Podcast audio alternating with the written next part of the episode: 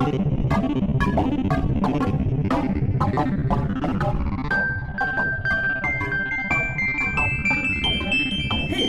Det här är Akademipodden. Varmt välkomna våra lyssnare. Jag heter Annika Moberg och i den här podcasten vill vi gärna belysa saker från olika håll för att bredda perspektiven och lära oss av varandra. Och vad kan då vara bättre än att ha en språkhistoriker och en perceptionsforskare på plats här i det så kallade förmaket på Kungliga Vetenskapsakademin där vi spelar in idag. Hej bästa ledamöter i Sveriges Unga Akademi. Jenny Larsson som är språkhistoriker vid institutionen för baltiska språk vid Stockholms universitet. Hej, hej! Hej! Och hej Jonas Olofsson som alltså är perceptionsforskare vid psykologiska institutionen, också på Stockholms universitet. Ja, nu är det ju lite sent på eftermiddagen här och vi börjar bli lite småhungriga. Men som väl är så ska vi ta ett tvärvetenskapligt grepp på semlor nu. Tema är semlan. Och vi har faktiskt fått i oss lite redan, erkänna. Smakade det bra? Utmärkt. Mm, jättegod. Väldigt bra semla. Ja, vad var det för semla? Det var väl en sån här klassisk semla. Ja, ja precis. Det var en, en klassisk svensk semla så som man tänker sig en semla. Inga ja. konstigheter. Nej. Inga konstigheter, precis. Eh, vilket i och för sig ofta är, annars är det ju bara konstigheter ibland här. När de presenterar Nobelpriserna i mellandalarna. Men eh, fantastiska konstigheter ska vi tillägga. Eh, jag tror jag börjar fråga dig Jonas.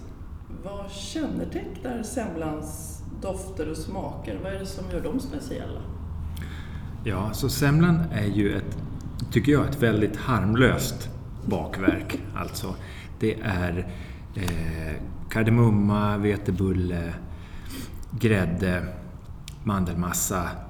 Det är väldigt snälla, runda smaker och dofter. Så att det här är någonting som man kan förstå att det är väldigt populärt bland många och även hos barn och hos äldre och sådär. Alla kan uppskatta det. Och det är en kaloribomb naturligtvis med all den här grädden och mandelmassan och så. Sen är det ju det roliga att äta också. För att grädde, det är ju svår att få kontroll över semla. Mm. Så den har en sån känsla. Man kan leka med maten. Man måste leka med maten för att få in den i munnen. Ja. Ja, det stämmer. Plain vanilla skulle man kunna säga. Ja, verkligen vanilla. populär. Jag tänkte säga att just om, om det här med smak och att, att semlan har en smak som man brukar säga. Då, då ringer en varningsklocka här hos mig och då måste jag förtydliga att det är ju, vi blandar ihop dofter och smaker när vi pratar om kemiska sinnesintryck. Så att vi har ju smaker då från den här sötman eh, som, som vi har i, i semlan, men vi har också en massa doftkomponenter som vi får retronasalt via svalget när vi äter. Och det är ju den här, det som skapar ett rikt sinnesintryck. Det är ju den här kardemummadoften framför allt som är väldigt kännetecknande för semlan. Och det är egentligen en doft, om vi pratar om det som en smak. Så att vi som håller på med doftforskning är alltid väldigt förgrymmade när folk säger att Det kardemumma, det smakar smakar kardemumma. kardemumma, för det gör det inte. Det doftar kardemumma. Försök att täppa igen näsan och så se hur mycket kardemumma-smak det blir kvar. Det blir ingenting. Så att, eh, det, det, det finns inget bra svenskt ord för det här gemensamma sinnesintrycket. Men på engelskan pratar man om flavor. Och det är alltså ett sammansatt intryck av dofter, smaker och dofterna kan komma också då från svalget när vi sväljer och sådär. Och även eh, viss irritation om vi äter mentol eller chilipeppar och sådär. Och det är ytterligare ett sinne som kallas för det kemiska hudsinnet som kommer in i olika maträtter. Det kemiska... Det kemiska hudsinnet, eller det, trigeminala sinnet kallar man det också för. Så det är alltså irritation, kemisk irritation i, i slemhinnorna. Och det kan förhöja måltiden ytterligare. Men semlan har ju inget av det här. Semlan är fullständigt befriad från all irritation. Det är en väldigt eh, snäll smak och doftupplevelse. Vi kanske, du kanske hade ett tips här nu till eh, den här explosionen av nya semlor. Chili kanske är nästa trend. Just det. Men det stämmer ju när man är förkyld kommer jag bara att tänka på. Särskilt jag lider mycket av det. När jag är förkyld så smakar maten ingenting och det håller i sig Doftar länge. ingenting. Doftar ingenting, nej. Och därför heller inte smakar. Ja, just det. Ja, man ja, tuggar ju på någonting som inte smakar gott. Precis, och- och hjärnan är ju väldigt väl anpassad för att kombinera ihop doft och smakintryck. Så att det här är någonting som sker utanför vårt medvetande. Så att det är svårt för oss att hålla eh, ihop, vad som är, hålla isär vad som är dofter och vad som är smaker. Men det finns något som är smak, det är inte bara konsistens? Eller, Nej, när vi nej just det. Nej. rena smaker finns och bland annat så har vi ju eh, fett som verkar, och det här upptäckte man bara för några år sedan, att vi har särskilda receptorer på tungan för fett. Mhm. Så att det är nu omdiskuterat om fett är en grundsmak tillsammans med sött och salt och surt och så vidare. Så det här är en pågående debatt. För vi, vi känner, fett har ofta ingen unik smakupplevelse men den aktiverar hjärnan på, på ett speciellt sätt. Mm, spännande. Mm. Den förhöjer andra intryck kan man säga. Det är ju det som är fettets egenskap. Och det har vi här. Fettet är på frammarsch på. Ja. Eh, ordet semla då? Ordet semla, alltså där har jag ju inför det här så roar jag mig med att titta lite på nätet. Det ska man ju aldrig göra då, för att där får man ju alla möjliga olika förslag. Men, Högt och lågt. ja, högt och lågt. Men alltså semla är ju så enkelt att det är ju inte ett svenskt ord utan det är ju, själva ordet är ju inlånat från tyskan, från medeltyskan. Semmel, ja. Semmel. Eh, så är det. Och sen så som det som vi menar med semla, på tyska betyder ju semmel, betyder ju bara en liksom vetebrödsbulle ju. Men, och det, det som är brötchen i Nordtyskland och så mer i, i syd så har de semmel. Eh, och sen finns det ju vecke också som vi kommer in på i vissa delar av Tyskland. Men allt det här betyder ju bara, det betyder ju inte en semla med grädde och så, utan det betyder en brötchen, alltså ett litet bröd, bulle. Inte som vi tänker på den alltså. Nej, men det som är lite intressant är att finlandssvenskarna har kvar den gamla betydelsen. Så där, så där, för att finlandssvenskan är ju ofta lite mer arkaisk, särskilt lexikaliskt då. Ja, arkaiskt. Gammaldags, som har kvar liksom gamla ord och gamla betydelser av orden. Och där betyder semla, så vitt jag är informerad, bara en, en, vetebröds... Så man ska inte beställa semla om man går på ett fik i, i, Nej, Finland då? nej, inte om Då man vill man ha en semla. Nej, då ska man nog säga fastlagsbulle tror jag. Så tror man har lite större chans. Det ska jag skriva ner. Annars kanske man blir väldigt besviken. Ja. Men sen har vi ju också ordet hetvägg. Hetvägg. Ja, som du också känner till och mm, som vi pratade om lite här. Det är också från tyskan då. Väldigt roligt ord, heter Ja. Var kommer det ifrån? nej men det är ju vägg, alltså vecke, det här ordet som också bara betyder en, en liten bulle, vetebrödsbulle då, men vecke. Jag har ju tyska kollegor som eh, en, en gång så satt vi och pratade om det där och så sa jag ja men det heter hetvägg på svenska och då var det en av dem som ja men Heisenwecken, jag bara, va? Vad är det för något? Så. Men det är ju de.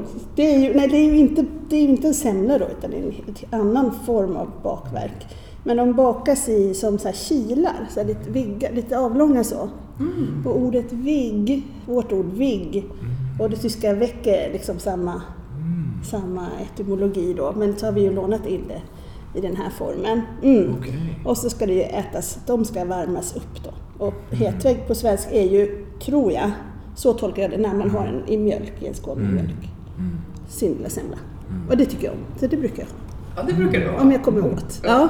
Det är inte alltid de på bagerierna de liksom vill värma en skål mjölk, men, men, men ibland. Ibland. Ja. Jag tycker att eh, hetvägg, det, det känns som att det borde handla om den upplevelse man har av att äta en stor semla i varm mjölk. Att det känns som att gå in i en het vägg. Som man bara liksom... En mass, det är så massivt på något sätt. En het vägg. Men det, nu är du ju verkligen folketymolog här då. Men man vill ju så gärna liksom förstå orden på något sätt. Men jag hade, jag hade riktigt tänkt över det där med vägg. Men det, det är ju såklart ingen vägg ju. Nej, Nej. Det är ett tyskt lånord. Beror på hur många man äter. Till slut. Har Ja, du du testat? kanske helt enkelt inte har känt av heta väggen. Jag har inte gått in i den väggen. Det Lite som bra. paltkoma fast för söta bröd. Ja, bufféfällan Just ju det. Just det. Ja, men det hade inte med det att göra då. Men en sak till kanske jag ska säga som också står på nätet då så står det att det är från latin simila. Och då när det står så, då tänk, och det betyder ju fint vetemjöl då på latin. Och då tänker man också så här, ja, det är det, alltså semla är ju inte från latin simila, utan det här tyska lånordet eh, alltså är i sig ett lånord från latin simila som betyder vetemjöl. Och det här fina mjölet var inget som inte ens ehm, det var inget som indoeuropeerna hade heller, utan det är ett lånord i latin. Från Mesopotamien någonstans, från eh, ak- akadiska finns det, alltså ett semitiskt lånord. Så att man kan liksom följa det här vetemjölet på något sätt från Mesopotamien till eh, liksom medelhavsområdet och sen upp, tyskarna får tag i det och börjar, lånar in ordet då och så börjar baka de här bollarna, semlorna, boll, runda bollar. Och, så därför, och när vi får det ordet, då är det redan en semla. Liksom. Så. Ja, så redan på latin, då var det ett låneord. Ja, ja. ja. Jo men det, var, det är väldigt dyrt med sånt här fint vetemjöl och så. Det, vi fick, det blev väl inte vanligt här för på 1800-talet heller i Sverige. Så, alltså, det är dyrt. Det här fina siktade vetemjölet. Ja, vi var i och för sig lite inne på det här tidigare med varför älskar så många svenskar semlor, Jonas? Vad tror du om det?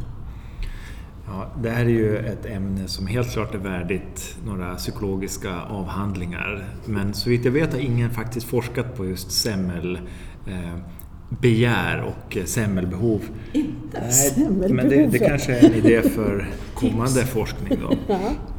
Det skulle vara roligt att vara med som försöksperson i alla fall, skulle jag skriva upp mig på. Eh, men jag tänker på de här, ehm, eh, just, hur, just hur de här kemiska intrycken kopplas till våra minnen. Och vi ser ju i våra studier då att när man presenterar olika dofter för, det kan vara äldre personer, så väcks ofta barndomsminnen till liv på ett sätt som vi inte har sett i något annat sinnessystem. Så att det verkar vara just en särskild koppling mellan tidiga barndomsminnen och just dofter. Och då till exempel om man har kardemumma så väcker det doften, äh, väcker det minnet av, av semlor till exempel som man ju börjar äta redan som, som barn. Och, äh, så att vi har en, en kan man säga en äh, neuronal kapacitet för att skapa sådana här trevliga minnen just kring dofter och smaker och saker som vi äter. Och jag tror att det hänger ihop med varför vi är så fästa vid, vid, vid eh, olika maträtter och efterrätter och sådär. Så att vi kan, vi kan och just, just eh, desserter är ju ofta det är ju liksom kulminationen på måltiden när man är liten. Så, så, så på det sättet så kan så kan man skapa behagliga minnen under lång tid. Och det tror jag ligger bakom varför, varför semlan och andra bakverk är så, så populära. Intressant. Mm. Det gör ju också att det kan vara svårt att ta till sig ett annat lands favoritbakverk. Så. Mm. Och folk som kommer Just från andra länder och smakar ju semlan kan tycka att den är kanske lite blek. Ja. lite så. Va? Precis. What's all the fuss? Liksom, vad är det som är så bra med den här då? Så, Precis, Mm. och just smak och och doftsinnet är väldigt konservativt. Att vi tycker ofta inte om saker som vi inte har prövat på ett, åtminstone ett dussintal gånger. Mm. Det tar Mm-hmm. eh, en bra stund innan vi börjar gilla de här doft och smakkombinationerna i en ny måltid, en ny maträtt. Och börjar vi då tidigt vi har en, en söt och fet efterrätt som vi har en naturlig disposition för att gilla, för det signalerar kalorier. Va? Då kan vi associera dofter till den här eh, upplevelsen och eh, vänja oss vid den och sen bibehåller vi de här preferenserna under hela livet i vissa fall. Mm. Så att det, luktsinnet är väldigt konservativt på det sättet.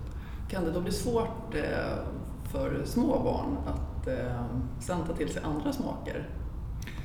Ja, man säger ju det att det, det är ju ofta så att de vill inte äta smaker som är lite udda och, och dofter som är nya och sådär. Så att det man ofta rekommenderar för föräldrar att göra det är att låta barnen smaka en liten bit varje gång. Ta en bit morot, du behöver inte äta allt, eller ta en ärta och sådär. Och sen när man har gjort det i ett par veckor så ser man att det finns en, en förhöjd acceptans, en ökande acceptans för, för just de här dofterna och smakerna. Så att det, det går ganska snabbt men, men vi har en, en doftsinnet utvecklat för att skydda oss mot saker som är farliga. Vi ska inte stoppa i oss nya saker hela tiden utan vi ska gå på det som vi vet att vi mår bra av. Till exempel en semla. Ja, men, men om man har börjat att introducera semlor då kanske det blir svårt. Jag vet inte om det är så många föräldrar som gör det. Precis. Ta bara en liten bit semla. Mm. Nej.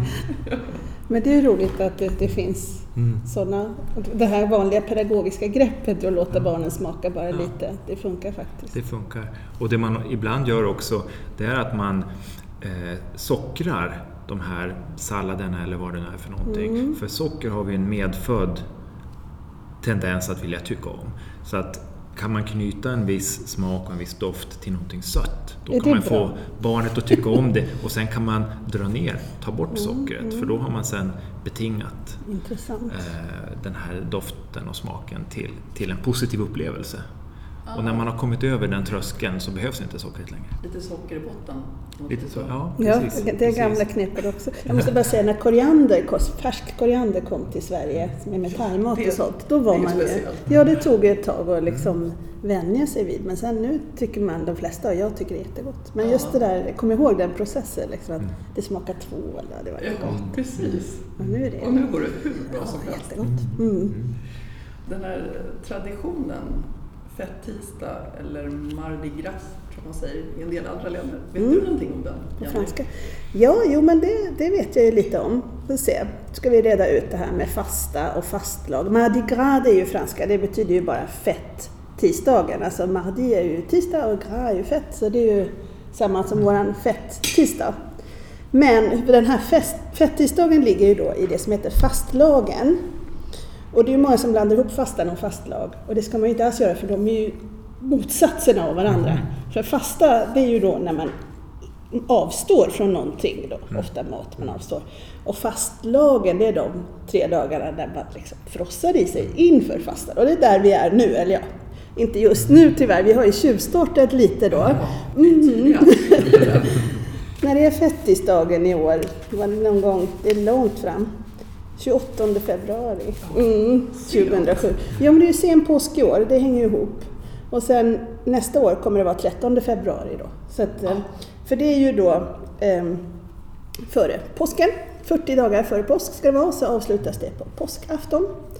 Eh, fastan alltså. Men det är fastlagen som vi pratar om nu som är motsatsen då, där man frossar. Eh, och fastlag, ja det är också med den lågtyska. Fastelavend med dissimulation, alltså fasten, abend, men fa- med en blir till l då, i dissimula, en dissimulatorisk process. Fastel, fastelavend. Dissimulatorisk process. Ja, om man har två ljud som är lika så kan man dissimulera dem så de blir olika. Helt enkelt. Det är en sån eh, fonetisk process. Assimilation är vanligare, att man eh, har två ljud som är olika men man gör dem så att de närmar sig varandra. Eh, ja, vad, vad har man? Eh, det finns många. Och det är Bra en exempel. omedveten process som sker när Ja. språket utvecklas.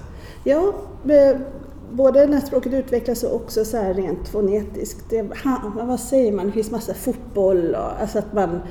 Eh, jag hade något bra exempel. Men man anpassar ena ljudet och där. efter. Ja, ja, ljuden blir mer lika varandra helt enkelt. Så istället för fasten så är det fastelag. Ja, precis. Så det är fasta, fasta som ligger där, fasten till grund. Mm. Och på danska fastelavn, som också fast, ja. Och fastlagsbollarna, och det heter ju fastelavnsbollar på dansk, mm, på danska. Det, men det här är ju, ja vad ska jag säga?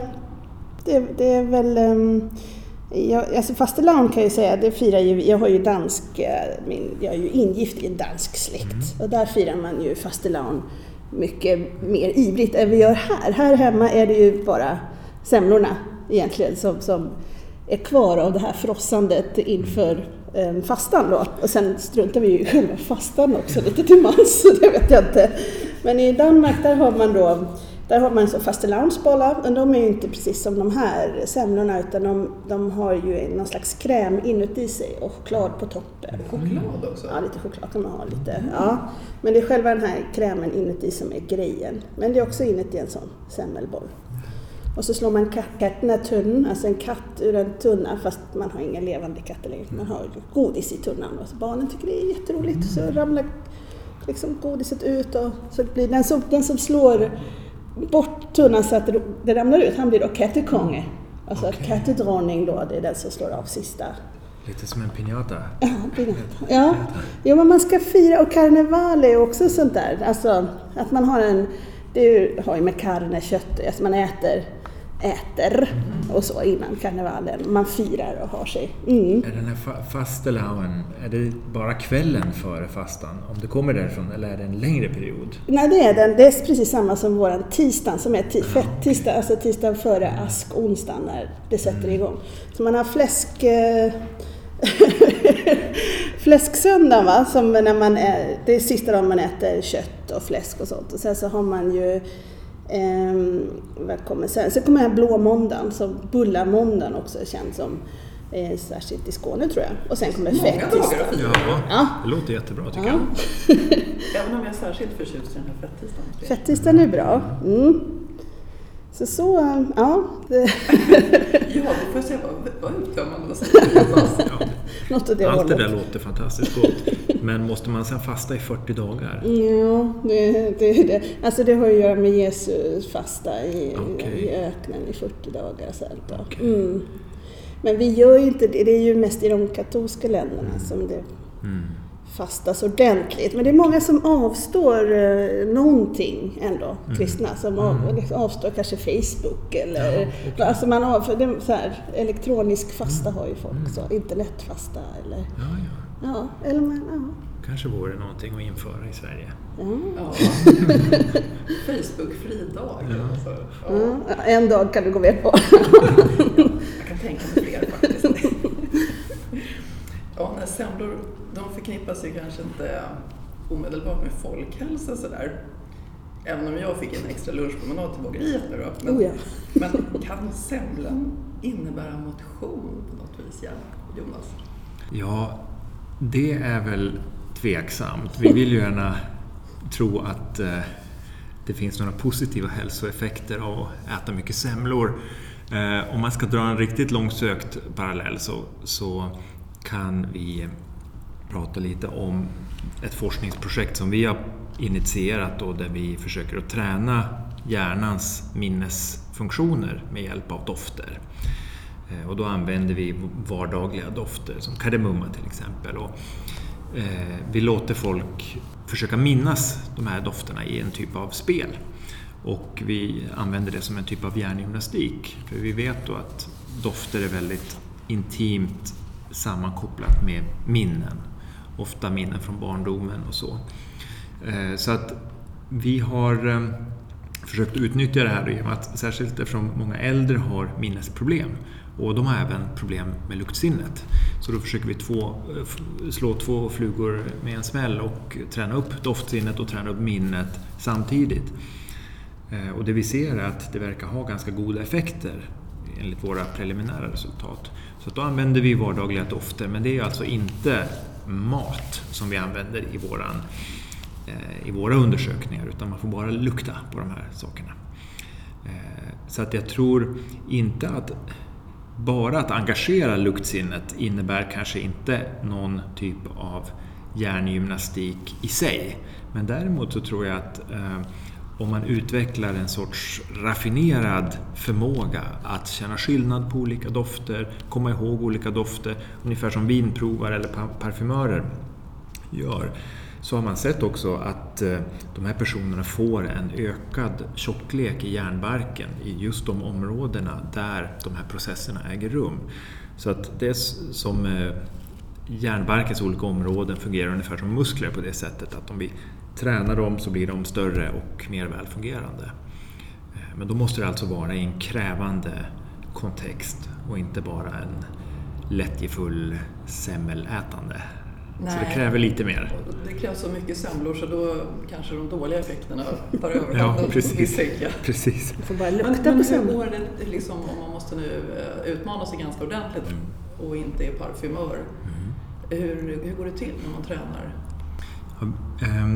Det finns lite olika sätt att göra det. För, för patienter som har förlorat luktsinnet, det är ganska vanligt. Det finns ganska många som, som har ett förlorat luktsinne. Av, man har fått en svår eh, inflammation eller infektion i, i övre luftvägarna eller man har slagit huvudet och förlorat luktsinnet därigenom.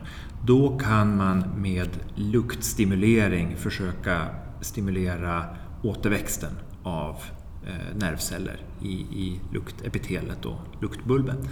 Och då använder man dofter bara som man sitter och sniffar på morgon och kväll. Eh, men där ingår det ingen särskild uppgift. Men om man har ett fungerande luktsinne, då, och det är den typen av forskning som vi gör, och det är folk som har ett något sånär välfungerande luktsinne, eh, då gör vi som ett memory-spel, att vi försöker hitta par och komma ihåg vart de finns. Så att man kan, man kan se att man blir bättre, ju mer man håller på desto bättre blir man att länka dofterna och hitta de matchande paren. Så det är en typ av eh, inlärningsspel med dofter. Men hur, hur ser det ut alltså, fysiskt? Mm. Det är små teburkar som är uppställda i, i, i en matris. kan man säga. Små teburkar som man fördelar slumpmässigt på ett bräde. Ja. Mm. Det, det... Och så i en då så kanske det är mentol eller vad kan ja, det vara för typ? Kardemumma till exempel. Ja. Mm. Och när då när man då känner den här kardemummadoften så är det många som tänker okej, okay, det här är någon typ av semmeldoft. Det ska jag komma ihåg att den fanns just på den här positionen på brädet. Och sen när man känner den här samma, samma doft, då kan man para ihop dem och så då får man poäng för det i vårt lilla spel. Eh, och det här håller vi på nu att utvärdera då och se hur det påverkar hjärnan. Man har sett då med, med sådana här experter tidigare att de får utökad eh, hjärnbarkstjocklek av, av eh, deras expertis. Men frågan är då, är de födda med den här typen av superkrafter eller är det något man har tränat upp? Eh, och det enda sättet att besvara det, det är att titta på folk före de blir experter och efter. Eh, så vi, vi gör hjärnbildningsundersökningar på dem innan de går igenom den här träningsproceduren och efter. Intressant. Mm. Vad är det mer för dofter, för fråga det, i... Uh... Ja, det är allt möjligt. Vi använder tedofter. Så det kan vara allt från Earl Grey till lapsang och uh, kardemumma. Vi, har, vi är storkonsumenter av te i en forskargrupp. Ja. För vi prövar ut de här tesorterna som inte försvinner efter två veckor utan som har bra kvalitet. Och vi, så vi har blivit något av experter på, på te. Eh, för att det här är dofter som som upplevs som positiva och de anses ha liksom positiva hälsoassociationer så att vi, vi vill inte plåga våra försöksdeltagare mer än nödvändigt. De anstränger sig väldigt mycket för den här studien tar ju mer än en månad att, att göra. Så att vi vill att det ska vara behagligt för dem att spela. Ja, mm. jag förstår det. Ja, Janne, när du letar efter ords ursprung så här i din forskning, gör du det ofta? Mm, det gör jag. Och jag letar efter system också. Eh, så, systematiska utvecklingar i, i språkens historia.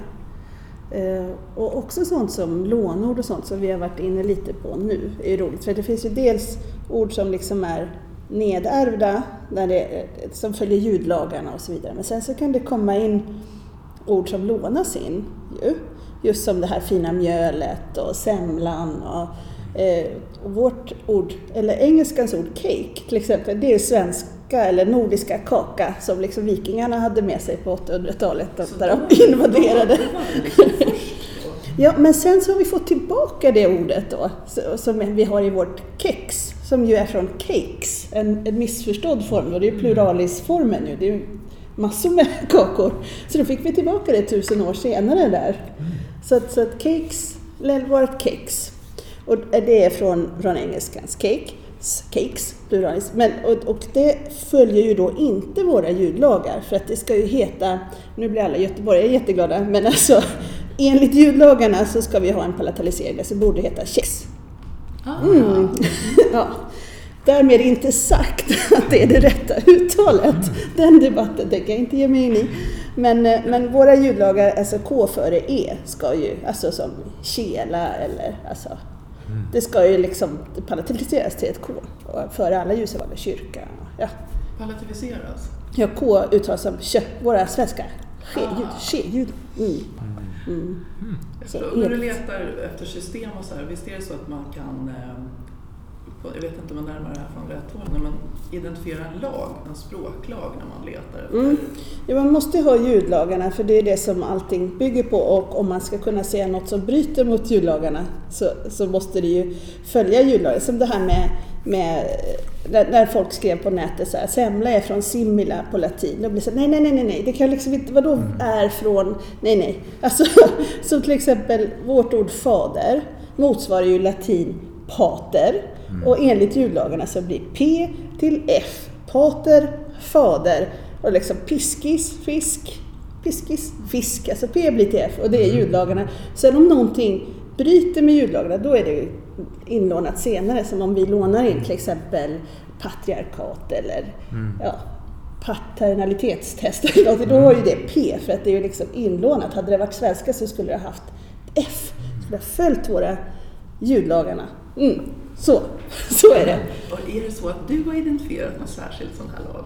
Det kan ju vara så att jag har en ljudlag, ja. Vad he- vad heter den? nej, nej, men alltså ljudlagarna döper man ju inte själv utan det är andra som refererar till den lagen då som Larssons lag. Ibland, någon gång har det hänt det är väldigt roligt. Så Ja. finns det en lag- lag då. Ja, men den gäller för baltiska språk då. Mm. Mm.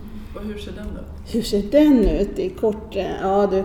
Jo, men den, den eh, reglerar vokalerna kan man säga och vokalernas längd. Så att vissa vokaler har blivit förlängda eh, på grund av den här ljudlagen då. Ja, i de baltiska språkens historia.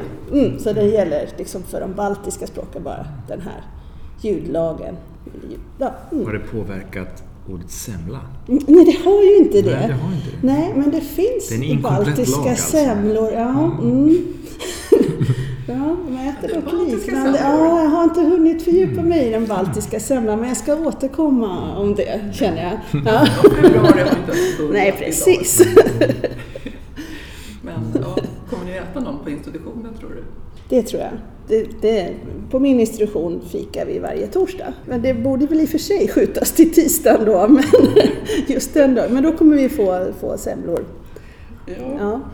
Ni då? Nej, men då Ja, måste vi höra hur de gör på psykologen. Ja. Vi har eh, institutionsfika på onsdagar och sen har min forskningsavdelning eh, avdelningsfika på fredagar. Mm. Så att det- Ingen tisdag. Ingen tisdag, men eh, jag tror att vi kan fuska oss till en semla både på onsdag och fredag istället. Det kan ju bli så. Mm.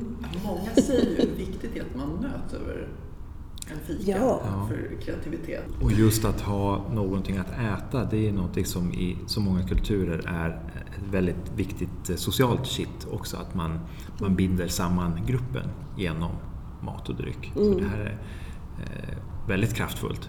Mm. Och få bjuda också är ju alltså, Ja, väldigt just viktigt. Det, just det. Mm. Mm. bjuda på mat. Ja, just det. Eh, En sak om lukt, det, som eh, en fråga som jag tror att du kanske har svarat på förut Jonas, det är det här med hemmalukt. Mm. Att eh, när man kommer hem till någon så, och man, så man känner så tycker man att det luktar speciellt. Nu är jag hemma hos min kompis Cecilia och här luktar det alltid av det där sköljmedlet som de använder. Men sen så sin egen hemmalukt, den kan man liksom inte känna. Nej. Varför är det så?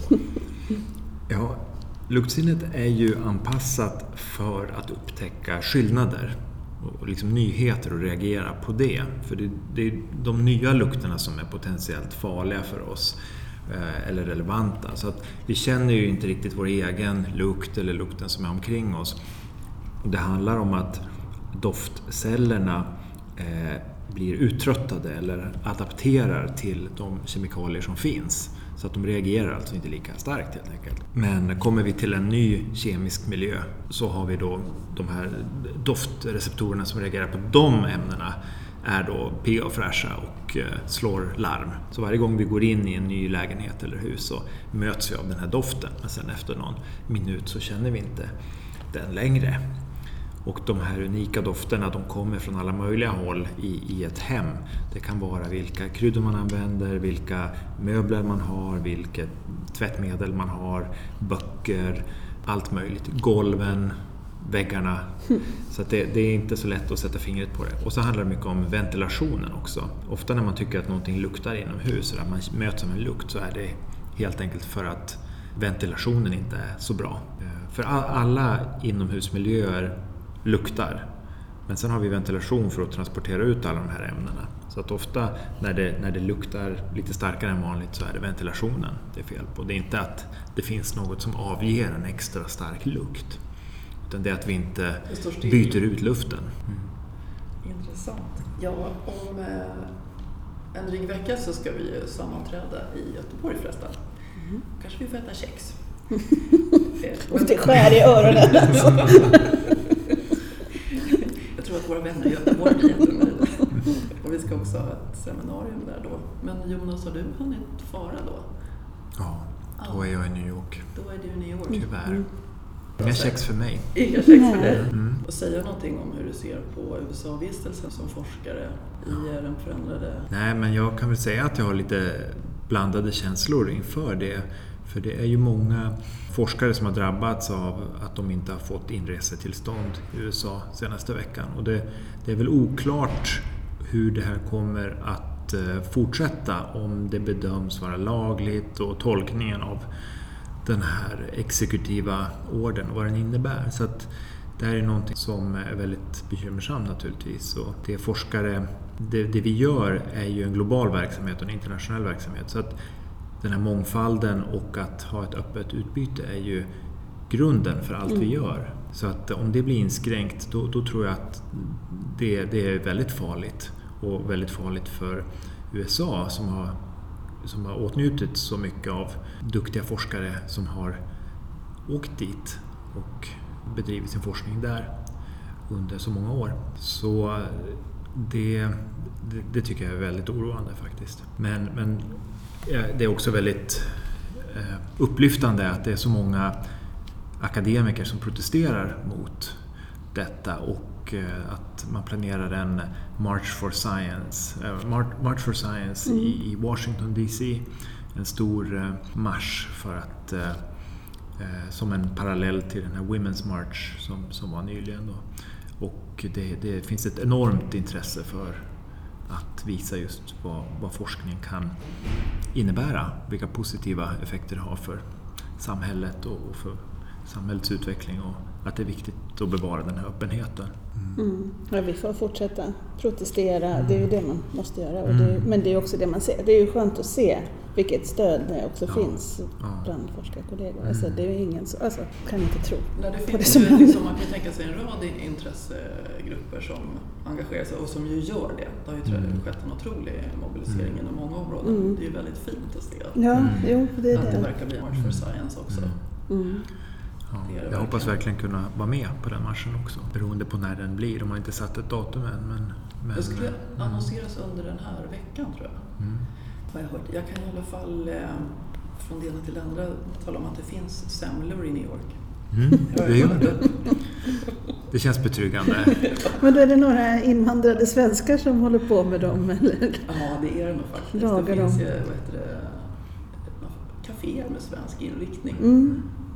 Där måste man kunna få en semla. Ja, ja men det är klart. Om den politiska situationen blir alltför otrevlig då kan vi åtminstone trösta oss med eh, semlor där borta. Det, det ska jag När hålla i hemlängtan slår till. beaktande. Ja, då kan du lukta på en semla. Ja. Lite kardemumma bara. Ja.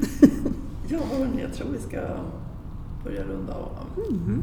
Jo, i akademin då, så den 10 februari i Göteborg arrangerar vi nummer tre i seminarieserien om forskningsetik. Och titeln är När blir forskning oetisk ur ett demokratiperspektiv? Och bakgrunden till seminariet är då de här tre trender som utmanar de etiska överväganden idag för forskare i ett demokratiskt samhälle. För det första så är demokratin, yttrandefriheten och den akademiska friheten under stark press idag på många håll i världen. Och för det andra så investerar djupt odemokratiska länder stort i forskning och söker samarbeten med etablerade universitet i demokratier. Och slutligen så återfinns auktoritära tendenser som vill påverka forskningen också i Sverige. Om du befinner dig i Göteborg eller har möjlighet att resa dit så anmäl dig nu på sverigesungaakademi.se och kom till seminariet. Och det förra seminariet i etikseminarieserien handlade om tillförlitlighet och reproducerbarhet. Och det finns att se i akademins Youtube-kanal. Vi hoppas också att ni följer oss på Facebook och som Unga Akademin på Twitter. Tack snälla Jonas och Jenny för att ni var här idag. Det var väldigt trevligt att äta semlor med oss. Tack för semlan. Ja. Tack, tack. Tack och trevlig resa Jonas. Eh, och kärt tack till er som lyssnar. Hej då! Hej då.